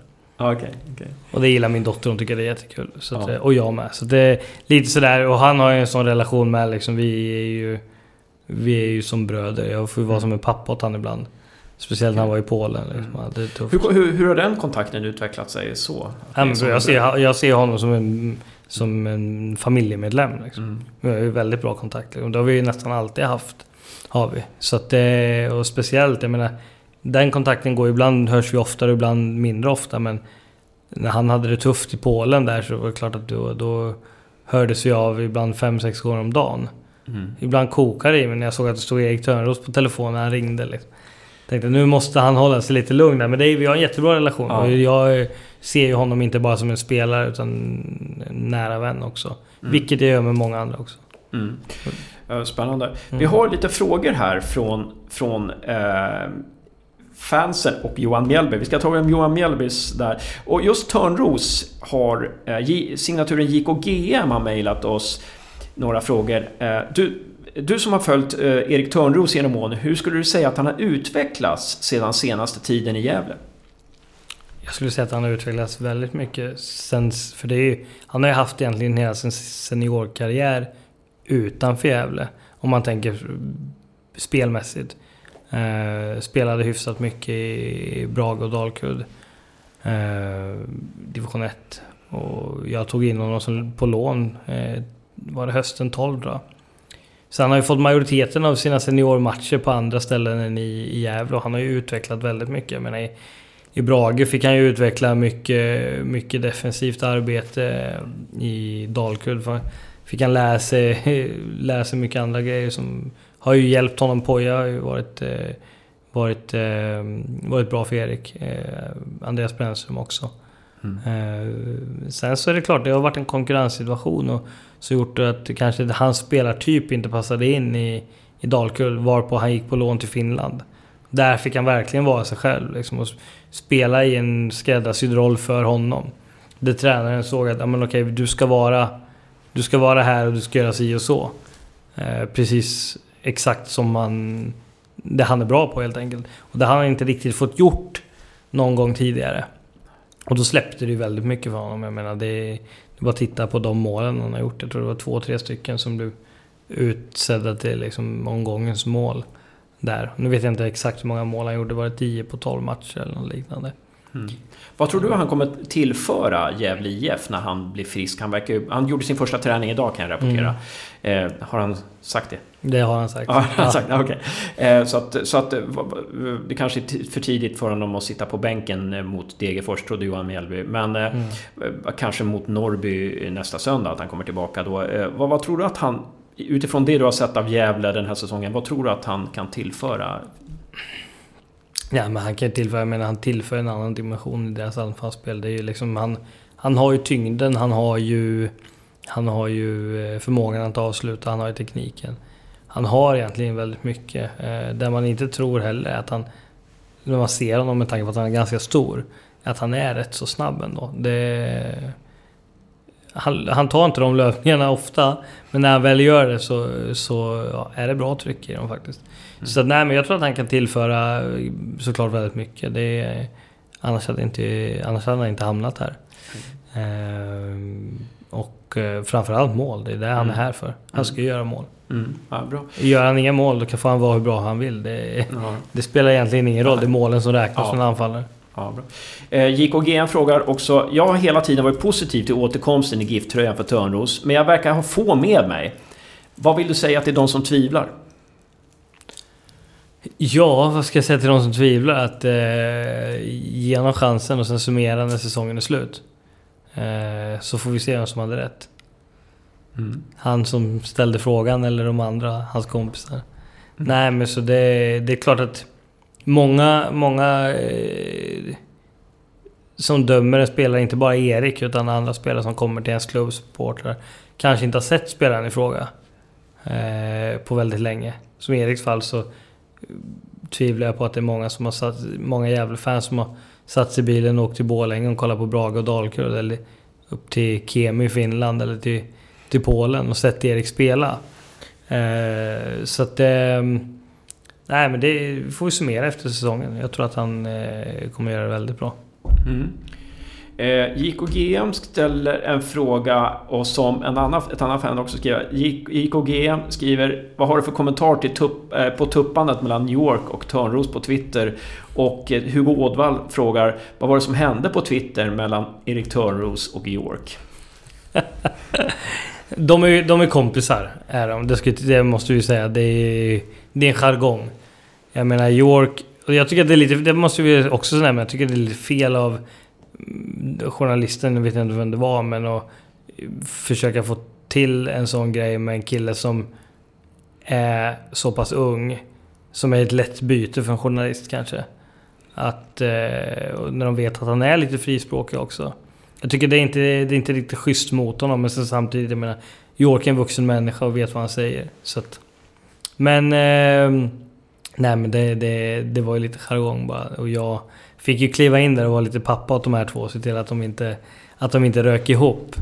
Men, eh, nej men York, York eh, var ju såklart frustrerad. Jag menar han kommer in och gör en bra insats. Värnamo spelar ändå hyfsat bra.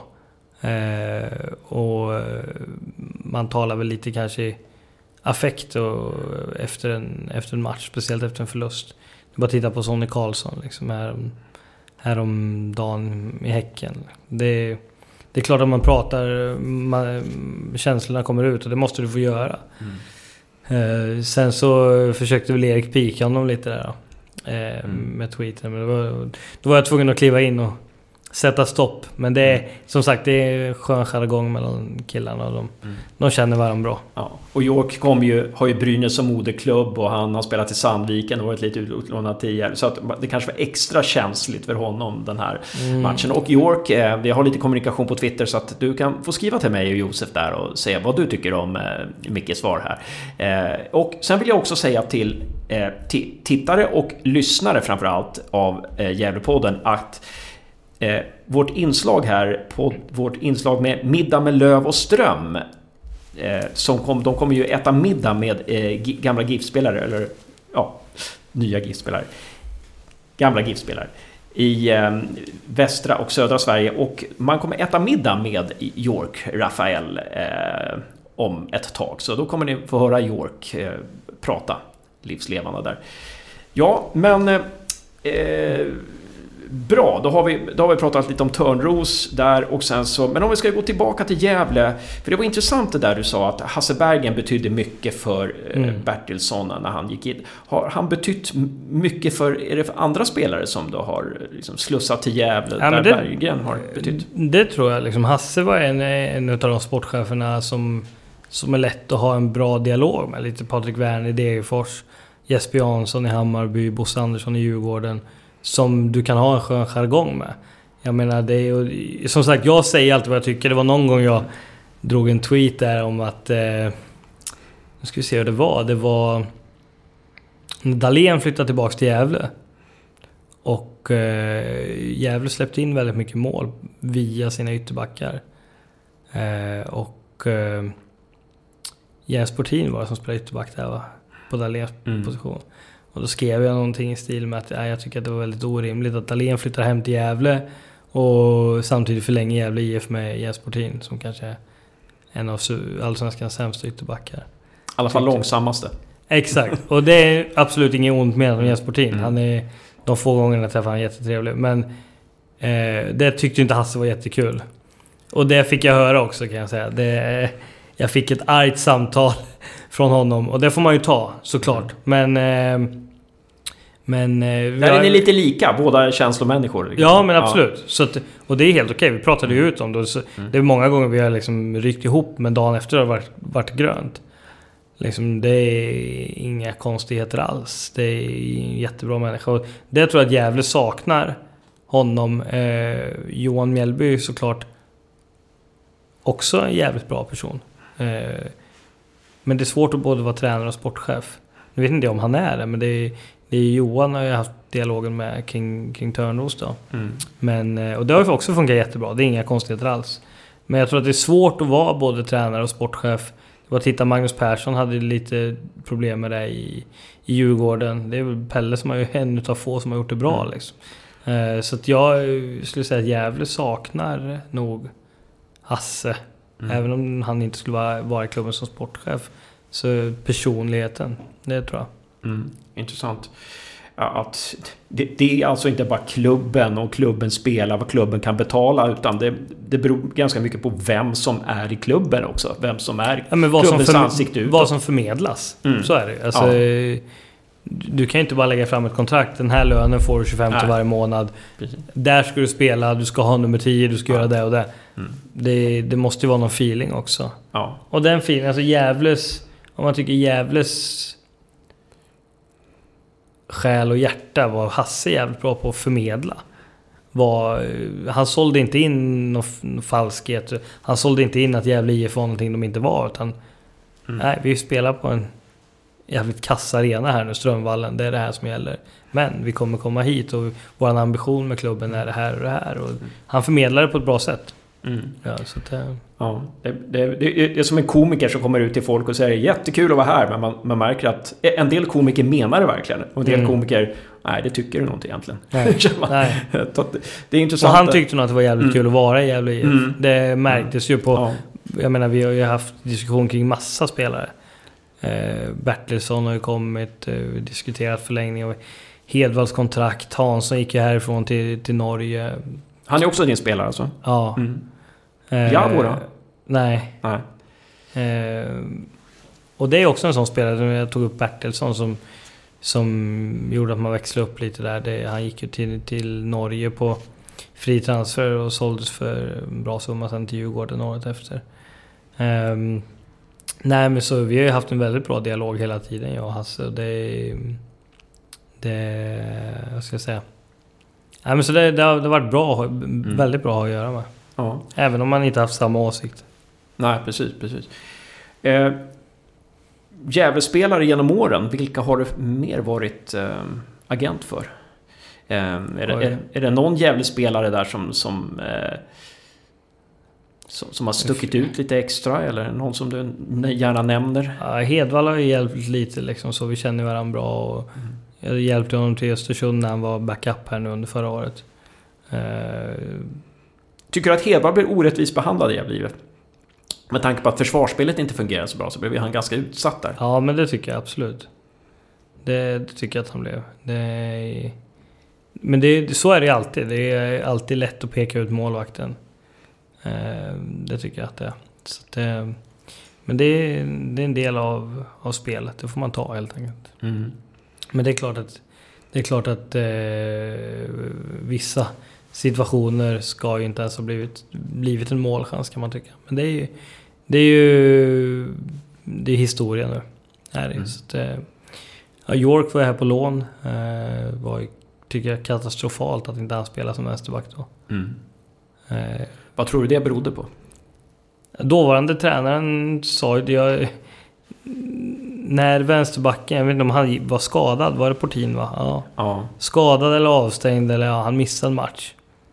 Och så, så räknar jag med att nu kommer York att starta för han har spelat på den positionen i landslaget. Och Sandviken. Men helt plötsligt så står det någon annan kille där som är lika gammal som York. Som, som spelar istället. Så jag tänkte, vad fan är det som händer? Så jag snackade med, med Hasse om det efter, efter matchen. Och han sa den här med, jag tror tränaren liksom inte vet om att York ska spela vänsterback. Kan mm. spela vänsterback. Såg han mer som ytterforward. Mm.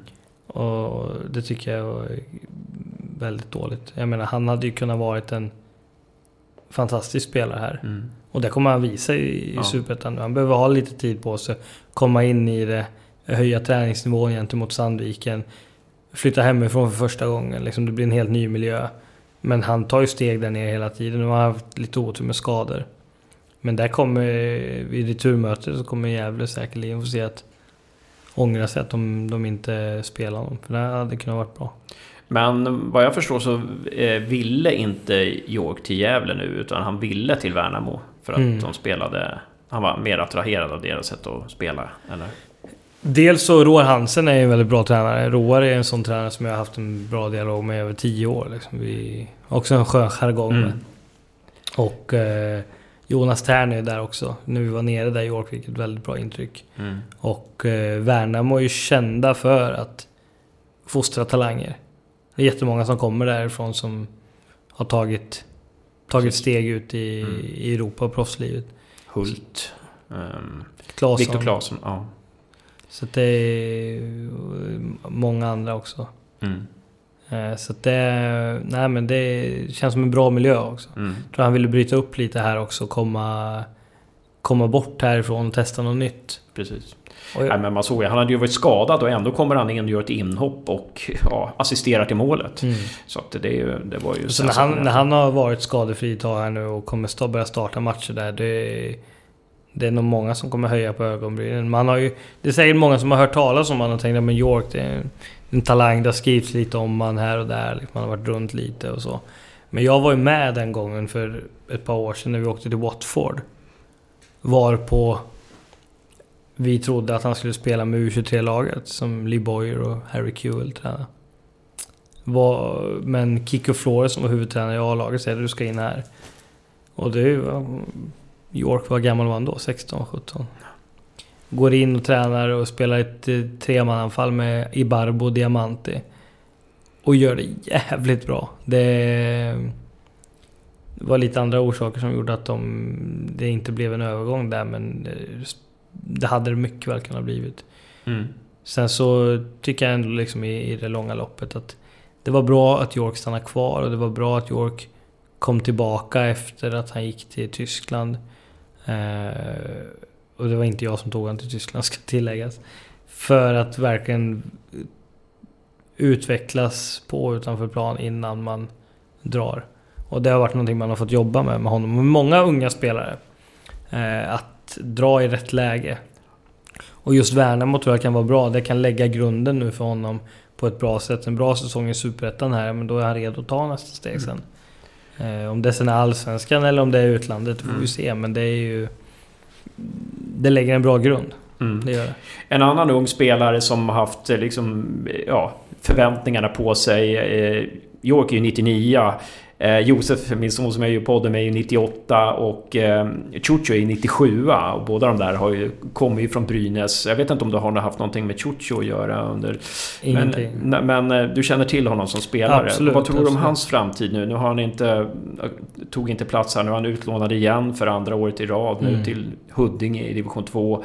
Mm. Eh, har du någon känsla för hans framtid då? Hans... Ja, det är ju alltså det är jättesvårt. Jag har sett honom för lite för att kunna uttala mig om honom.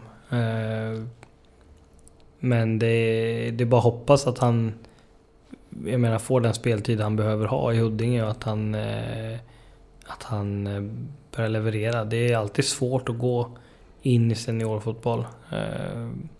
Vissa tar det längre tid för. Som har varit talangfulla i liksom junioråldrarna. Men jag hoppas verkligen att det går bra för honom.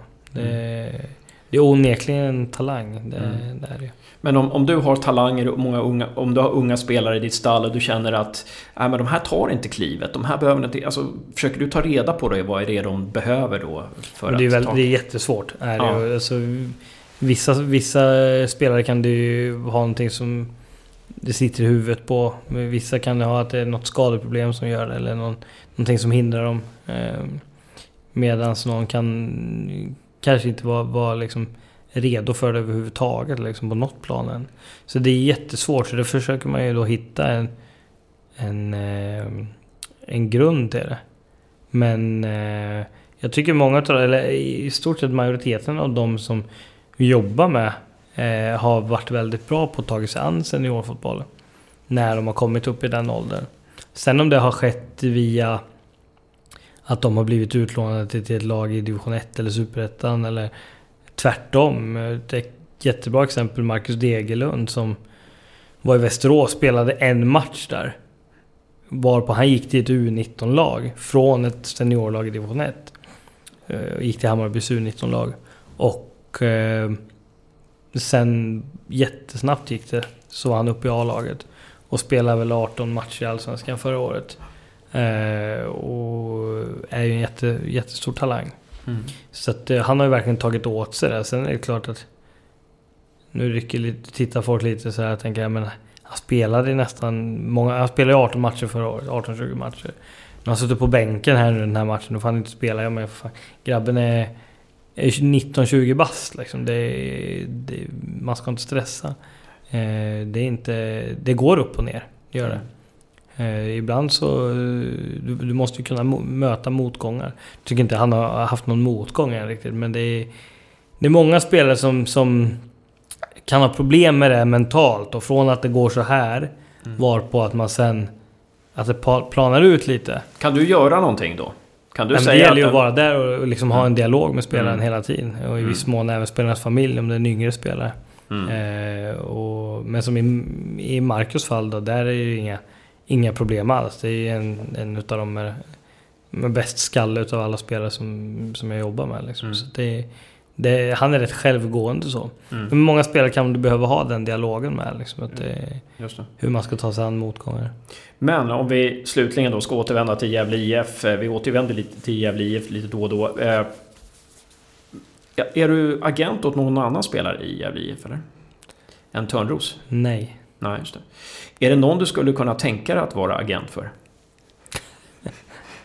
Ja, det finns nog några stycken som är intressanta spelare, absolut. Vi- vi- Vilka tycker du är intressanta i Gävle IF? Ja. Jag skulle säga ju... Nej, det håller jag för mig själv. Okej, ja. Det gör jag. Mm. Det jag vill inte sitta och prata om spelare som kanske har andra agenter Mm. eller så. Utan det, Ja, jag förstår. Jag förstår. det, det håller jag för mig det själv. Men det är klart att det finns, eh, Mm. finns intressanta spelare i Gävle. Ja. Men vad säger du? Du har sett lite av Gävle IF eh, kanske nu på försäsongen och så här. Och vad är din känsla av- för att, ja, hur tycker du laget presterar och vad, hur tror du om deras säsong? Eller vår det, säsong? är, det är klart att det är svårt med många nya spelare. Så man gick från att, att ha en tränare som, som eh, kanske höll division 3-mått eh, till Poja som är jättebra. Eh, och sedan skifta till Johan som också är bra, men en annan typ av ledare alltså, än vad Poja är. Så att det har blivit en liksom på, på ett år har varit tre tränare. Eh, och det är klart att Johan måste få tid på sig att bygga sitt Gävle. Nya spelare har kommit in också, så det är liksom ingenting som kommer hända över en natt.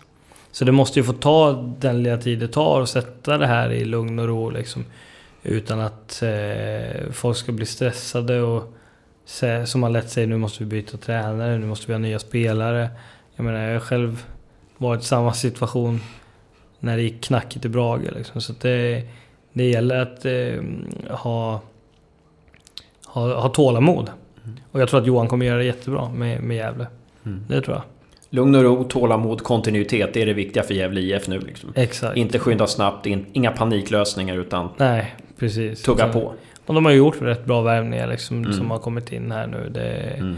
Jag tror att det, bara de får tid att att spela ihop sig och så, så kommer det att bli bra. Mm. Sen om det räcker till att slåss i toppen i år, det låter ju vara osagt. Men Mm. jag tycker i alla fall att Gävle ska som ambition att göra det nästa år. Mm. Om de inte Vad kul. Vad kul att höra.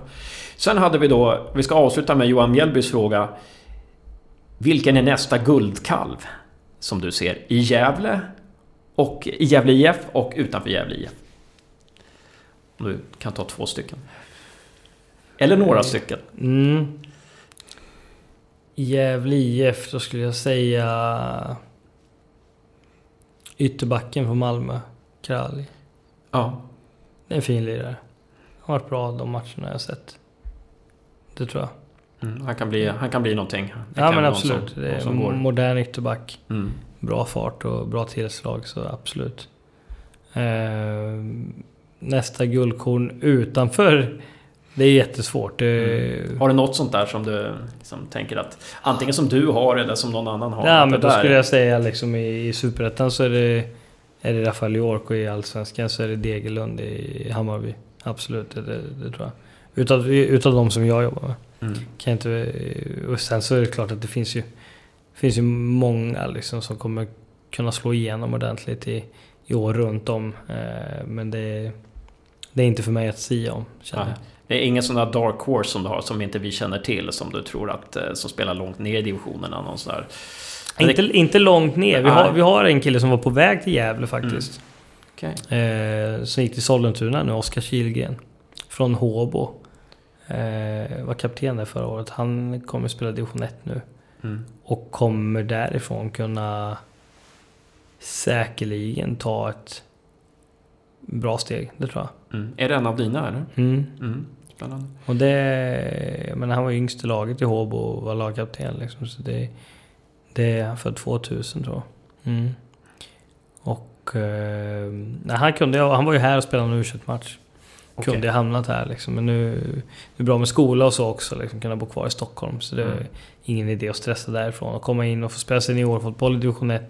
Det är klart att det är bra. Och han har spelat mycket på försäsongen nu. Så det... Det tror jag nog att Oskar Kihlgren är ett namn som kommer kunna synas och höras högre upp än division 1 relativt snart. Mm. Ja men jätteintressant att prata med dig Mikael Kallbäck. Eh, lycka till framöver och eh, låt oss hålla kontakt eh, och Absolut. se om, om det dyker upp något spännande namn här. Kanske någonting för podden. Och en sista fråga då. I ditt stall då när du är agent du, du kan inte tänka dig att ta dig an några som gör en podcast?